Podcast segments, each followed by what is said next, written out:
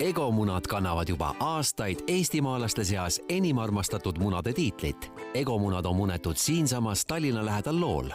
Need sisaldavad kõiki toitaineid, mida inimese organism vajab, et kogu pika päeva vastu pidada. eelista eestimaist egomuna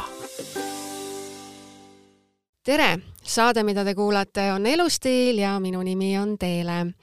Täna me räägime ühest äh, sellisest tervislikust äh, toiduainest, mis on äh, küll aasta läbi, võiks öelda igapäevaselt meie menüüdes ja minu menüüs ka, aga tuleb välja, et ma ei ole tegelikult piisavalt teadlik ja ei tee just või ei ole teinud just kõige paremaid valikuid selle osas, et me räägime nimelt siis täna munadest ja kelle teise ma võiksin veel saatesse kutsuda kui Vladimir Sapožnini, kes on Eesti enim armastatud Ego munade juhatuse liige.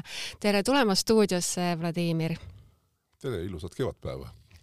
õige, õues on ju imeline kevad. Äh, põhjus, miks ma su täna siia kutsusin, on see, et palun õpeta mind ja meie saate kuulajaid, kuidas seal munariiuli ääres siis ikkagi on äh, õige käituda, et see valik nendest munadest on seal nii kirju, ühel on mingid kõigil on mingid templid peal, siis on mingisugused kirjad peal, hinnad on niivõrd erinevad. ütle, kus me peame alustama? mida, millise muna peab võtma?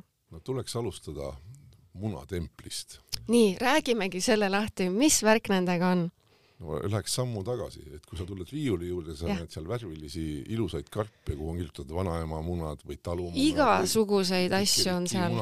see ei tähenda mitte midagi, see on lihtsalt bränd esimene pettumus. absoluutselt. et kas on siis niimoodi, et põhimõtteliselt ma mõtlen nagu tegelikult ju enamus toiduainetega, kas ongi nii, et ma võingi panna siis, mis ma sinna peale tahan panna või? Karbi peale sa võid põhimõtteliselt munadele kirjutada, mis sa tahad, sa muidugi ei tohi petta tootmisviisiga. Mhm. -huh. ainuke faktiline ja juriidiliselt õige tempel on muna enda peal, et muna ei ole pettus.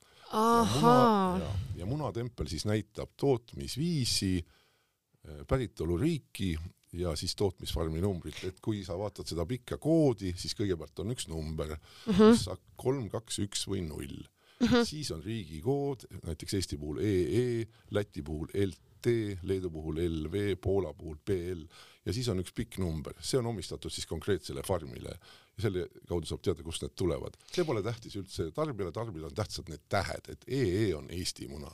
ehk et siis munal on justkui nagu kaks pakendit, et üks on see, mis on nagu tootja teinud ja teine on see looduse poolt see pakend, mille peale siis pannakse infot. jaa, täpselt, sest uh -huh. väga mhm. palju töötatakse ka erinevate mudelite järgi, näiteks meil on oma farmid, me pakime iseenda munad Skandinaavias on levinud väga näiteks mudel, et seal on mune toodavad perefirmad, et ühelt pakendikeskusel ja munade turundajal, kellel on kaubamärk, tal on seal võib-olla sada partnerit ja ta ostab neilt kõik munad ära, et põllumees siis tegeleb nagu kanakasvatuse ja munadega mhm. -huh. ja edasi on hoopis nagu siis see turundus- ja müügifirma töö.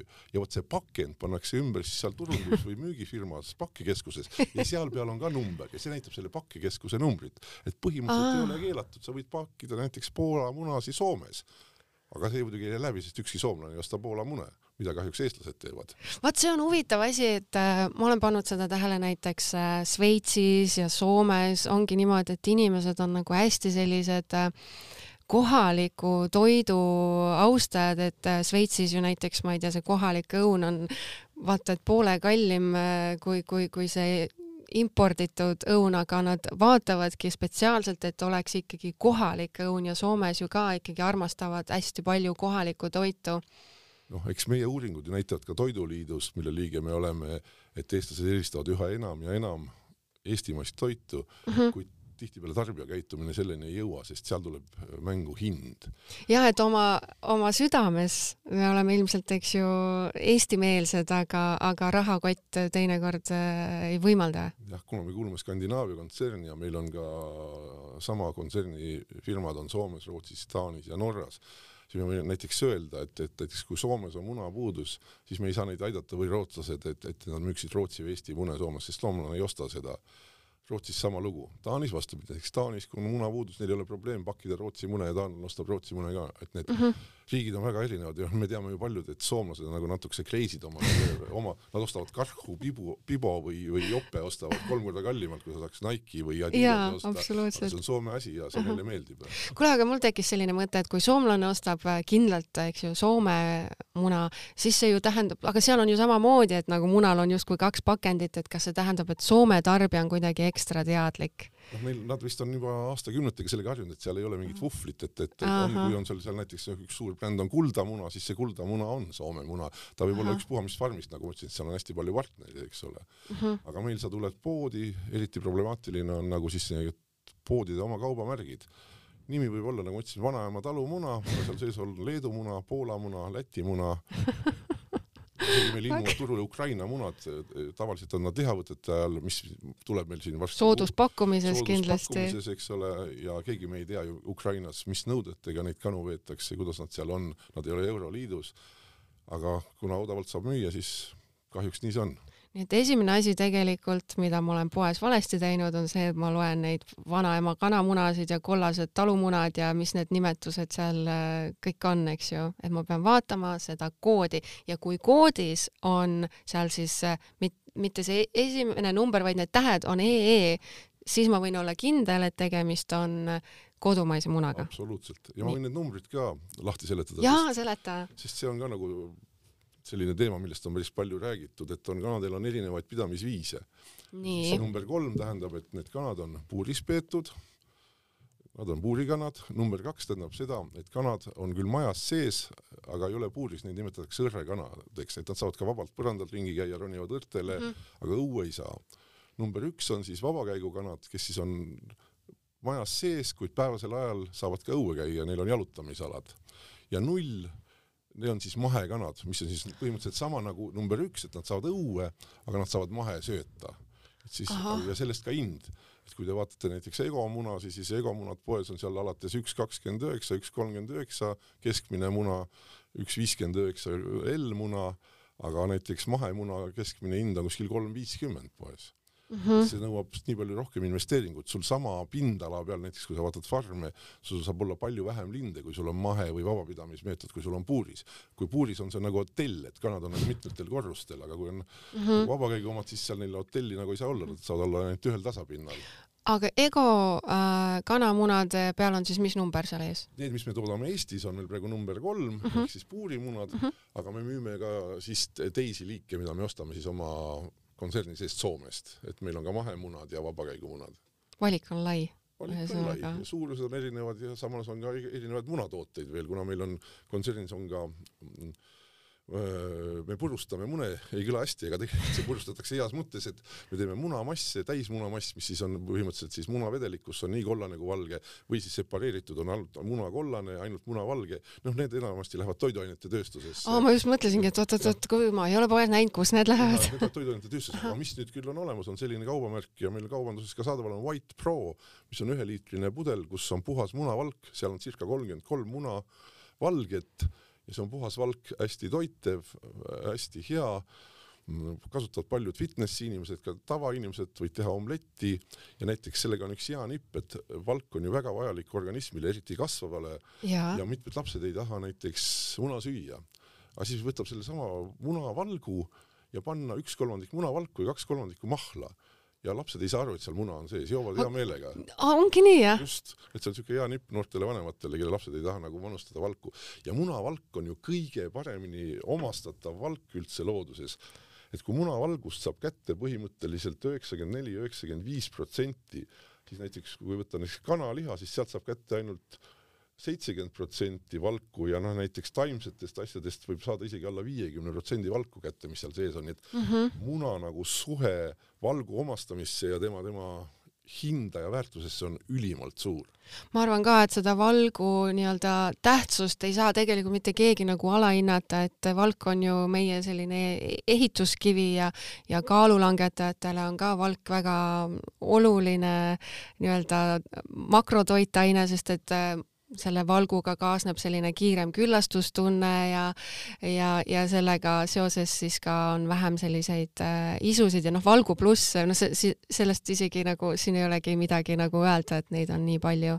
valguallikaid on väga erinevalt mm, -hmm. näiteks kui võrrelda toiduenergiat ja valgusisaldust, siis jällegi muna on nagu väga üks parimaid. absoluutselt mm, -hmm. sellepärast et näiteks, et saada kaheksakümmend grammi valku munast tuleb süüa muna umbes üheksasaja kilokalori väärtuses energiaga, et saada sama asja avokaadost, te peate sööma avokaadot tuhat kakssada kilokalorit väärtuses, mis on mitme päeva toidunorm. väga mõtlemapanev. just ja val- ja munavalgus on peaaegu kõik aminohapped, mis on vaja inimkeha ehitamiseks, et nelja aminohapet ei ole, aga meie organism on nii huvitav, et ta lõhub need aminohapped lahti munavalgust ja ka teistest valkudest mm -hmm. ja siis ehitab need aminohapped uuesti kokku, mida siis organismil vaja on mm. -hmm. et pole vaja nii-öelda nagu täiendavalt mingit muud valgulist asja juurde võtta. ja tabletid võivad apteeki jääda. ja pulbrid ka võivad poodi jääda. just, aga nüüd ikkagi, kui me tuleme nüüd tagasi selle, ma tahan selle asja saada tänases saates kõik täiesti selgeks, et kui ma järgmine kord lähen poodi muna ostma, siis ma olen üks tark inimene selle munariiuli juures, et see kood, me oleme nüüd rääkinud sellest esimesest numbrist äh,, siis need tähed seal on ju, ja siis äh, need viimased olid siis, mis kood, mis antakse siis igale äh, farmile, igale farmile eraldi. see on registreeritud siis PRIA-s Eestis ja mm -hmm. vastavates ametkondades mm. -hmm. see on selleks vajalik, et jälgida, ütleme, kui on mingeid probleeme tootega, kui on mingid haigused näiteks farmides mm, -hmm. me teame, eks ole, siis pannakse need farmid kinni ja nii edasi, et see on mhm. selline puha, puhas traceability nagu inglise keeles öeldakse. aga siis ütleme, tavakasutajale on siis olulised need, ütleme, see esimene number ja need tähed lihtsalt. just, just, et mm -hmm. ja nagu ma ütlesin, ka pakendi peal on siis üks number, aga see on siis pakkekeskuse number, see tähendab seda, et kus see pakendatud on, et nagu ma ütlesin, et, Läti muna võib pakkida Leedus ja Poola -hmm. muna võib pakkida Soomes ja nii edasi, eks ole uskumatu. aga lähme hinna juurde ka. et äh, kui ma seisan seal munariiuli ääres, siis neid hindasid on ju ikkagi noh, tõesti, ma ei teagi, kas mingil toiduainel on veel nagu nii erinevad hinnaklassi, et kui sa siin enne ka võrdlesid äh, muna näiteks kanalihaga, siis noh, kanalihatootjaid on ju ka, eks on erinevaid, on ju, aga ütleme, filee hind on suhteliselt filee hind ikkagi, et see ei ole niimoodi, et, et ühe tootja oma maksab viis euri ja siis teise oma on näiteks viisteist euri onju, aga muna puhul ju reaalselt ongi, et see üks pakk võib maksta seal, ma ei tea, mis need madalamad hinnad on, kuuskümmend senti äkki või? noh, nii õnneks nii hull ei ole, on siin nähtud, nähtud promohindu seitsekümmend üheksa senti eest no., mis on täielikult alla omahinna müük. aga kuidas see võimalik on siis? no see tuleb sellest, et tihtipeale on munade ületootmine, praegu eriti Covidi valguses on ju väga suur osa toidusektorist ära kadunud mm. -hmm. näiteks meie puhul on hea näide, me olime, varustasime Tallinki omletisegudega nii. ju sõid tuhanded inimesed iga hommikul ületates Soome lahte. see on ju kõik kadunud praegu mm, -hmm. eks ole. aga kana muneb iga päev. kanale sa ei ütle, et meil on nüüd Covid, et kanad, olge head, munege vähem. hoidke kokku natuke. just, ja munakana elutsükkel on circa poolteist aastat. mitu muna üks kana päevas võib muneda no,? ühe? mitte üle ühe okay.. ütleme nii, et tipphetkel on äh, niimoodi, et munade protsentuaalne äh, munevus on, ütleme, et kui on üheksakümmend viis, ütleme sada, saja päeva jooksul ta muneb üheksakümne viiel päeval. see on okay. kui tipptootmine on. kui võtta aasta keskmine, siis on see kuskil kaheksakümmend, kaheksakümmend kaks protsenti, sellepärast et noored kanad alguses munevad harvem, munevad mm -hmm. väikseid mune mm -hmm. ja siis vanemad kanad juba munevad harvem. aga mm -hmm. tipptootamise ajal on jah, see kuni üheksakümmend viis, üheksakümmend kuus protsenti, et see on väga kõrge. ja ta muneb poolteist aastat? noh, ta muneb rohkem, ütleme, toostusliku, tööstuslikus tootmises, lihtsalt see muna, munemine jääb väiksemaks, et paljud väiksemad Äh, munatootjad annavad, jagavad laiali või müüvad ära siis lihtsalt inimestele, talunikele, suvilapidajatele need munad, siis võib-olla kana muneb ta muneb ka kolme aasta pärast mm, -hmm. aga, aga ta muneb ühe muna kolmes päevas, ühe muna võib-olla neljas päevas, eks ole. sest tegelikult äh, see munade arv on nagu looduselt paika pandud, et see on siis vastavalt kana munarakkude arvule, et see on ikkagi lõplik. nagu juurde ei teki, et mis loodus neile sinna sisse pannud on aga lihtsalt noh, tootluslikus, tööstuslikus tootmises sul on vaja nagu efektiivsust, eks ole, et, et ikkagi asi nagu arusaadav, jaa. ja nüüd, kui me tuleme jälle sinna hinna juurde tagasi, siis ongi see, et, et noh, et munade ületootmine on ja kuna meil on siin väiksed turud, lähiturud ja noh, Eestis me oleme küll kõige suuremad tootjad, kuid kui näiteks Baltikumi suurim tootja on meist üheksa korda suurem Lätis. tegelikult me oleme väiksed, eks ole, rääkimata, et me võtame mingi Poola või Ukraina, kus on noh, kümnetes kordades Te võ võib-olla olete väiksed, aga bränd on teil suur igal juhul aga ma tulengi taha selle juurde, et kust see odav hind siis tuleb, et koduturul, siis näiteks Läti firma Lätis või poolakad Poolas, seal nad müüvad jaekaubandusse korraliku normaalse hinnaga, seal on need hinnad noh, nagu meilgi siin ütleme Ego brändil, nad müüvad seal brändimune mm. -hmm. ja siis need munad, mida sa maha ei saa müüa, need sa pead kuskile panema ja siis sul tasub need müüa odavalt isegi alla omahinna kuskile teisele turule lükata välja, sest sa ikkagi saad sealt mingi raha. näiteks siia. näiteks siia, noh lätlastel on see kõige lihtsam, seda kõige rohkem meil siin ongi Läti muna eh, nendes eh, kaubamärkides, mis ei ole siis nagu, ei kuulu tootjale, vaid kuuluvad kaubanduskettidele sest sul on veel võimalus, et kui sa ei saa kuskile seda odavamalt maha müüa, siis sa pead selle prügimäele viima, mis tähendab, et sa pead veel lisaks veel kulu peale maksma mm, -hmm. eks ole, et sa nii-öelda kannad maha need munad nulliga, pluss sa maksad selle utilisatsiooni eest ja kuna need on nagu kolmanda kategooria jäätmed, siis need ei ole niisama nagu, nagu paber, et need on veel eraldi, tuleb neid käidelda, eks ole, nagu toiduaine. nii et, et, et see on nagu suur probleem et kui te lähete Lätti ja vaatate neid Läti tootja mune seal Lätis, siis Lätis näiteks hea hind on kallim isegi kui meil mm. brändimunadel. samal ajal siin nad müüvad siis neid odavalt, eks ole mm, -hmm. et, et see on selline tuleb ja noh, praegu ütlen nagu Covidiga, siis see on kogu Euroopas, et väga suured munaturud ja väga suured tootmised on Lõuna-Euroopas, Itaalia, Hispaania, Prantsusmaa ja seal on ju kõik see turism ja reisimine kadunud, et, et seal on noh, need numbrid veel suuremad. nii et võib arvata, et siin Euroopas on kõvad muna ülejäägid? jah, no nüüd, kuna Covid on juba aasta olnud ja need võib olla see, et ma ei oska öelda, mis teised teevad, aga ka meie on, meil on plaan, et tulevased karjad me vähendame natukese näiteks järgmiseid karju mm. -hmm. et, et, et see munatoodang ei oleks nii suur, et munaäri ongi selles mõttes imelik, et igal pool mujal on see nagu, et mida rohkem sa müüd ja toodad, et seda rohkem sa nagu raha teenida mm. -hmm. munaäris võib olla see, et sul liigne Vastu, tootmine hoopis tekitab sulle miinust, sest sa pead sellest kuidagi lahti saama ja sa ei teeni sellest mitte midagi.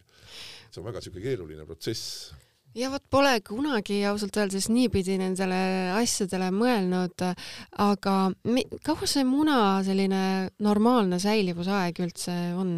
vot siit tulebki mängu seesama asi, et miks on vaja munast kiiresti lahti saada, et Euroliidus on selline nõue, et kooremuna tarbijale tohib müüa ainult kakskümmend kaheksa päeva peale munemist uh. Mhm. -huh. ma ei tea, miks see nii on ma arvan, et see on sellest, et lõunamaades, kui te olete ka reisinud, te näete, et muna on soojas letis. meil on ju muna külmas letis ja, ja tegelikult muna külmkapis säilib kolm-neli kuud, pole mingit probleemi. nii kaua tõesti või? absoluutselt, te võite katsetada, mul on endal ka olnud ja sellest on ju vist Marko Reikop tegi kunagi televisioonis ju mingi proovi, tal oli aasta aega kuskil kapis olnud, ei olnud ka põhimõtteliselt midagi juhtunud.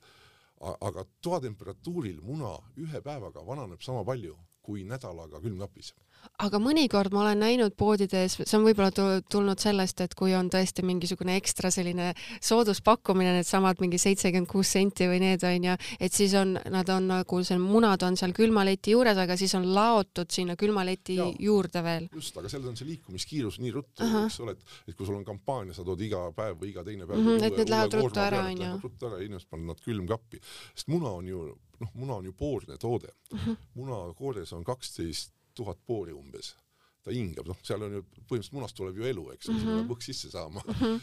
ja, ja sellepärast ongi, et, et kui ta soojas on, et siis ta hakkab mingil momendil riknema.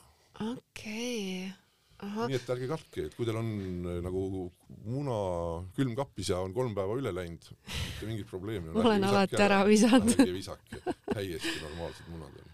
okei okay,, no see on jälle hea teadmine, aga mis see selline noh, õiglane hind siis äh, munale on no.? ma saan aru, seitsekümmend kuus äh, senti, sellest me rääkisime, et kuidas see tekib ja, ja mis see tegelikult, eks ju, tähendab. kui me vaatame nüüd ütleme Ego mune, mis siis on üle keskmise kallimad meie omad poes, siis kui me taandame selle kilo hinna peale, noh, mune ostetakse kümne kaupa, inimesed mm -hmm. kümne muna hinda, kui me ta taandame kilo peale, siis kilo hind tuleb kuskil kaks kolmkümmend, kaks nelikümmend ja mõelge, et see on peaaegu puhas valk. Mm -hmm. odava sealiha, mis on pekine ja mis on siis promos, see ongi kolm viiskümmend. kui me läheme nagu väärtuslikuma liha, võtame soo-, looma sisefilee, eks ole, puhas sisefilees on mingi kakskümmend viis eurot kilo näiteks, noh, siis millest me räägime, et muna on tõeliselt alahinnatud. kui me tõesti. vaatame ajaloolist trendi näiteks viimase saja aasta jooksul, mis hinnad olid, see on küll Ameerika turg, aga noh, kuna toiduained on nii-öelda börsikaup nagu nafta, strateegiline kaup, siis see nagu kogu maailm suhteliselt nagu peegeldab neid hinnatrende. siis kui me vaatame, mis oli kahekümne sajandi alguses ja mis oli kahekümne esimese sajandi alguses, siis näiteks leiva hind on tõusnud kakskümmend neli korda, juustu hind on tõusnud kakskümmend viis korda, või hind on tõusnud kaheksa korda, kartuli hind on tõusnud kolmkümmend kaheksa korda, noh see on saja, saja aasta jooksul, aga muna hind on tõusnud ainult neli korda. kuidas see võimalik on? kui jo. kõik muud asjad on niivõrd palju, nii mitu korda tõusnud? Ma ei oska öelda, mis, millest ajal on trend, aga noh, nagu ma ütlesin, et muna on alahinnatud ja kõik otsivad, et muna peab olema jõle odav. see on sama, mis natukese piimaga siin Eesti turul toimub mm. -hmm. Mm -hmm. piim on ka strateegiline kaup ja tihtipeale muidugi see ka, et kaupmehed noh, hoiavadki hinda madalalt, tihtipeale nad ei teeni selle pealt midagi, näiteks eriti kui on need hästi odavad kampaaniad mm. -hmm. nii, nii piimaga kui munadega, et, et seda väga-väga, et, et see kahjuks on see kurb aga noh, midagi ei saa teha. see neli korda, see on tõ tõeliselt mõtlema panev fakt. inflatsioonid on ju olnud jaa, saja aasta jooksul, uskumatu. aga räägime äh, ökoloogilisest jalajäljest ka, et see on viimasel ajal hästi selline, noh, kõik inimesed mõtlevad selle peale. Äh, mis see muna tootmise selline ökoloogiline jalajälg on, ma saan aru, neid tootmisviisi on erinevaid kui me vaatame sellist ökoloogilise jalajälje püramiidi, siis seal kõige tipus on krevetid. see on üks kõige, kõige hullem toode. väga hull, need mulle väga meeldivad. kasvatatakse kuskil Aasia riikides. samuti käib sinna otsa veiseliha, äh, lambaliha, juust, need jätavad hästi suure ökoloogilise jalajälje. siis me tuleme allapoole, mis on natukese nagu paremad näitajad, seal on kala, seal on kanaliha, see on kuskil kaks kuni kaheksa kilo CO kahte siis valmistoodangu kohta ja kõige parem on siis taimed, igasugused juurikad, eks ole, ja nii edasi. Need on null kuni kaks kilo CO kahte ühe kilo valmis toiduaine kohta ja muna läheb samasse klassi. muna põhimõtteliselt on väga väikse ökoloogilise jalajäljega, nii et sööge rohkem mune nii et põhimõtteliselt, kui ma aeg-ajalt ikkagi patustan krevettidega, siis ma natukene nagu teen seda munaga tasa lõpuks. kui ma söön piisavalt muna. XL muna, mis on hästi suur ja kaks ja. väikest krevetti, et siis see annab pluss-miinus null kohe siuke valem tuli pähe onju. no eks see oli nali, aga noh, niimoodi võib mõelda see on jälle väga huvitav äh, fakt äh, muna kohta, aga mis ma tahan veel teada, on see, et äh, mida need kanad siis äh, söövad, et ma tean seda, et see, sellest oleneb paljuski ka see, et mida see kanamuna, eks ju, sisaldab. absoluutselt. mida siis need kanad söövad? noh, meie puhul on see, et meil on, kasutame ainult Eesti teravilja. loomulikult on seal mingid ained, nagu me lisame vitamiine seal mm, -hmm. aminohappeid, soolasi asju, eks ole, mis siis ei ole kõik Eestis toodetud, need on mingid tehased teevad selliseid asju, aga põhitoitained, nisu, mis on põhi, kõige suurem komponent, ODR need on Eestist. siis äh, rapsiõli, rapsikook, need on Eestis pressitud mm, -hmm. need lähevad kõik sinna ja me olenevalt siis kana elutsüklist äh, kasutame kuni seitset erinevat äh, toite segu siis tema elutsükli jooksul. aa, et tal on siis ka ikkagi erinevad vajadused no, erinevas eluetapis. hakkab nagu beebi peale lihtsa mm -hmm. toiduga ja siis, kui mm -hmm. tööle hakkab, siis tuleb siuke gurmee, kus on nagu rohkem igasuguseid asju. noh, näiteks üks asi, mis on nagu näi hea näide, et enne seda, kui kana munema hakkab, kana hakkab munema kuskil seitsmeteistkümnendal nädalal umbes, kaheksateistkümnenda elunädal, enne seda tal ei ole väga palju kaltsiumi vaja. Aha. pärast on tal väga palju kaltsiumi vaja, sest munakoor munakoores on palju kaltsiumi, eks ole, noh, see on hea näide lihtsalt ühest asjast ja nagu ka, et kui nad saavad vanemaks, siis jälle peab seda balanssi muutma, eks ole, nagu inimestegi puhul. kui me rääkisimegi siinsama valgu, valgu kasulikkusest ja, ja kaalutlusest, siis ma tahakski öelda, tulla korra tagasi, et noh, et me rääkisime, et lastel on seda väga vaja. samamoodi on seda valku väga vaja ju ka vanematel inimestel yeah ja neil on vaja energiat ja kahjuks, kui me võtame, siis vanainimesed ikkagi, vanemad inimesed on harjunud, et söövad nagu küpsist ja kommi, sest nad saavad sealt seda energiat. aga tegelikult nad saavad sealt ainult tühje kaloreid, eks ole, ja nad ei saa, et tegelikult nad peaks ka sööma palju muna ja, ja sellised valgurikkaid toiduained, et siis nad ei võtaks kehakaalus juurde, kuna nad liiguvad tunduvalt vähem, eks ole mm -hmm., nende kaloraaž peaks vähenema, aga tavaliselt inimesed, kui öeldakse, et kaks tuhat viissada kilokalorit on kuskil noh, aktiivse inimese selline päevaratsioon, siis noh, neil oleks juba see alla kahe tuhande, tuhat kaheksasada võib-olla, kui nad vähe liiguvad, noh, ja siis ongi, et see komm ja küpsis nagu ei tee neile üldse head, siis nad liiguvad veel vähem, sest nad kogu aeg kasvavad just, just, just. Ja ega kui äh, ei saa neid vajalikke aineid kätte ka, et siis see on nagu selline lumepall, mis hakkab, eks ju, veerema. Äh,. mis mind veel munade puhul väga huvitab, on see, et osad muna, need rebud, eks, ongi kollasemad ja siis osad on sellised õrnad kollased, et millest see siis sõltub? siis olenebki ikka, mida kanad söövad ja noh, mida, mida, mida siin siis teised tootjad annavad, eks noh, enam-vähem need komponendid on sama, aga näiteks me toodame eraldi kohe küpsetuse jaoks eriti kollase rebuga mune ja me lisame sinna karant-, karatiini, mis on siis porgandist pärit põhimõtteliselt. antioksüdant. jah, antioksüdant mm -hmm. ja annab muna kollasele väga ilusa, samuti meil näiteks tervisemunad mm, -hmm. kus on oomegaõli, siis, siis sellesse toitainesegusse, mis kanad munevad, siis neid tervisemune, sinna me lisame linaõli oh,. väga hea. ja linaõli annab siis neid kasulikke aineid, edastab munasse. kas see, et osad munakoored on pruunid ja osad on valged, see on lihtsalt nagu mingi ma ei tea, sordi mingisugune erinevus või, või seal on midagi muud taga? see on selline esimese klassi ülesanne. mina pruun, ei tea seda. kui on pruun kana, siis on pruun muna ja kui on valge kana, siis on valge muna. That's it. selleks ma pidin elama siin maailmas nii kaua, et seda saada teada või? ma loodan, et kuulajate seas oli veel samasuguseid inimesi, kes seda ei teadnud varem. muidugi on olemas hobi, hobikanu, kes on mingid täpilised, triibulised, ja, no see on mingi aretus juba onju. Need on aretus, jah, paljud on mingid mhm. Aasia sordid, need ei ole nagu tööstuslikud kanad. aga kui me võtame klassikalise tööstuskana ikkagi noh, mune, munekana, siis on pruun on pruun ja valge on valge, väga lihtne. tõesti on lihtne. Äh, kas Ego kanade mune võib äh, toorelt ka süüa? no ma kinnitan, et võib, sest väga palju armastatakse toorest muna, väga popp on näiteks teha igasuguseid tartarre, pöffi ja nii edasi ja kasutada munakollast. ja meie puhul on kindel, et need on täiesti puhtad, sest ainuke oht, mida tuleb munast karta, on see, et seal võib olla salmonella bakter mm. -hmm ja seadusega on ette nähtud, et farmi kontrollitakse iga nelja, viieteistkümne nädala tagant, me peame iga viieteistkümne nädala tagant tegema analüüsi salmonella. meie siis Ego firmas, et olla kindlad, teeme iga nädal me teeme viisteist korda rohkem kui vaja. me teeme Oho. iga nädal igas farmis salmonella kontrolli. sest kui me, ja me võtame seda kana väljaheitest ja, ja kana väljaheitesse jõuab salmonella ennem kui organismi ja munadesse okay.. kui me avastame mm -hmm. selle, siis tähendab need munad isegi, mis ta munes eelmine nädal näiteks, need on ikkagi veel puhtad, kui tal on see mm. -hmm. aga noh, kui ma vaatan, ütleme nii-öelda linnukasvatuse pilguga, siis need kaks kõige õudsemat sõna, mida me võime kuulda, ongi salmonella ja linnugripp. praegu ja viimasel ajal on linnugrippist väga palju juttu, siin Eestis see on kahjuks juba kohale jõudnud. Nii et, et noh, see on see, mida me kardame ja selleks on meil väga ranged bioohutusnõuded, noh, need on niikuinii seadusandlikult paika pandud jälle samamoodi nagu sal-, salmonella proovidega mm, -hmm. et me teeme nagu palju rohkem, kui seadus ette näeb, et mitte mingil juhul tuua sisse siis väljast mingisuguseid saasteid või siis farmide vahel ka, kuna meil on mitmeid farme, meil inimesed mm -hmm. farmide vahel, et meil näiteks ühest farmist teise minekul inimesed vahetavad riideid, pesevad ennast, siis lähevad teise farmi, et olla kindel, et meil tõesti ei juhtuks midagi, ei mingit ristsaastumist ega mingit väljaspoolt toodud no seda, seda on hea kuulda, et te teete viisteist korda rohkem kui see, mis äh, seadus äh, ette näeb, sest ma ise näen noh, Instagramist hästi palju, et kui jälgid neid äh, igasuguseid äh, fitness inimesi ja siis äh, toidublogijaid ja, ja siis ma juba nagu paar aastat näen, et kuidas äh, äh muna toorel kujul siis kasutatakse, et küll pannakse seda mingi erinevatel viisidel, näiteks hommikupudru sisse, muidugi see puder on, eks ju, kuum ja võib-olla see temperatuur siis ikkagi kuidagi küpsetab selle muna seal sees ära, osad panevad munavalget,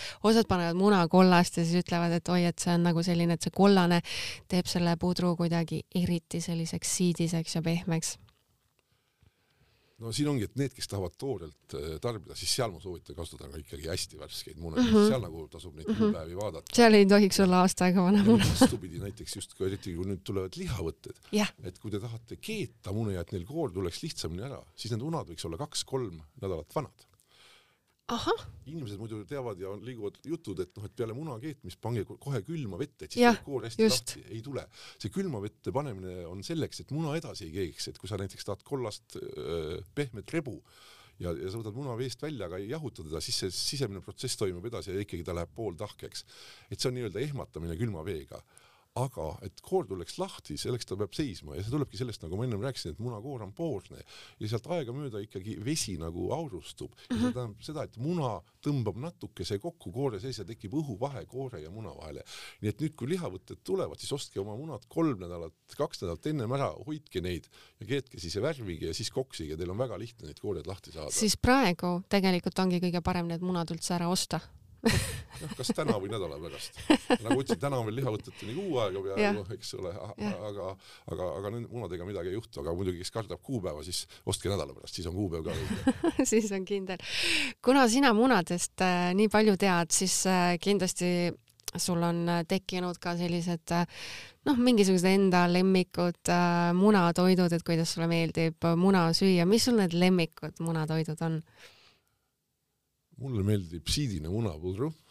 mida see tähendab, kuidas see käib? see tähendab seda, et sa teed seda veevannis ossa. et sa võtad, ütleme, sa võtad kaks panni, ühe suurema, ühe väiksema, noh lihtsalt kodus, et kui ei ole profiköök. ja, sa ajad hästi, alumises pannis ajad nagu vee keema, hästi õrna mulli peale jätad, siis paned ülemise panni sinna, sinna paned hästi vähe õli. sinna panni peale siis panna uue panni? teise panni paned nagu ujuma, nii et ta oleks ja. nagu poti funktsioon sellel okay. alumisel pannil.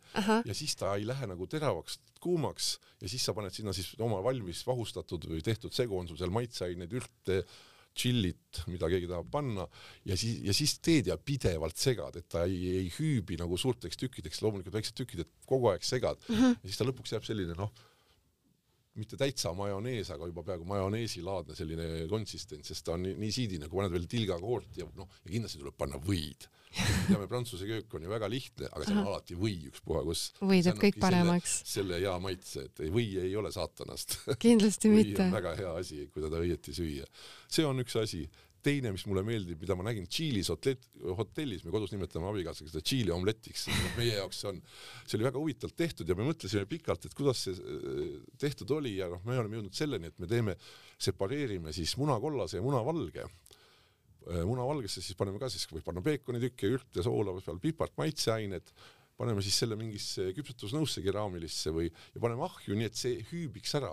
teises kausis lööme need kollased laiali ainult soolaga, segame ära ja siis, kui on see valge on hüübinud, siis kallame selle kollase peale ja paneme umbes kolmekümneks sekundiks ahju.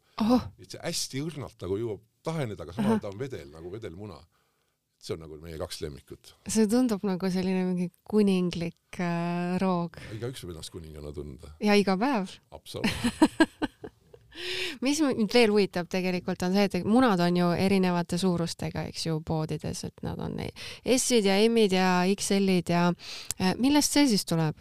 noh, enamlevinud äh, munad on M ja L. jah. Ja on siis S, mis on hästi väike, siis on XL ja siis on nagu hästi suured XL-id ka. Ja see tuleb tegelikult kana elueast, kui kana hakkab munema seal umbes seitsmeteistkümnendal, kaheksateistkümnendal nädalal, noh, siis tal ongi väiksed munad, sest ta on ise ka veel väike ja noor ja, ja siis ta jõuab sinna põhitootmise ikka ja munemise ikka, siis tal tulevad L-id ja M-id ja need tulevad nagu vahelduva eduga, et see on noh, täiesti mingi looduslik protsess. ja siis vanematel kanadel, ma ei tea siis nii-öelda jutumärkides kogemustest, siis nemad oskavad juba XL-mune teha. see on alati, need on vanemad, vanemad kanad ja päris vanadel võivad tulla nii suured, mis näiteks karpi ära ei mahu, et meil isegi on, neid ei ole palju, aga need ei mahu kuskile ära ühegi aluse ju nende restide peale, et need lihtsalt tegelikult on nagu meile, meile nagu noh, nii-öelda prügi kahjuks, et neid ei ole kuskil realiseerida, neid ei saa kuskile viia, kuna neid ei ole võimalik pakendada, need võivad nii suured olla aga ongi aeg äh, meie saate otsad äh, kokku tõmmata, et väga informatiivne ja ma arvan, eluks ajaks mulle kasulik äh, saade oli täna, et suur tänu, Vladimir, et sa tulid meile stuudiosse. aitäh ja soeta eestimaist, toeta eestimaist väga hea mõte.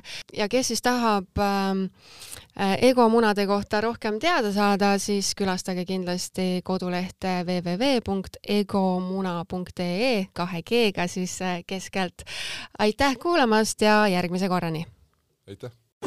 egomunad kannavad juba aastaid eestimaalaste seas enim armastatud munade tiitlit. egomunad on munetud siinsamas Tallinna lähedal Lool Need sisaldavad kõiki toitaineid, mida inimese organism vajab, et kogu pika päeva vastu pidada. eelista eestimaist egomuna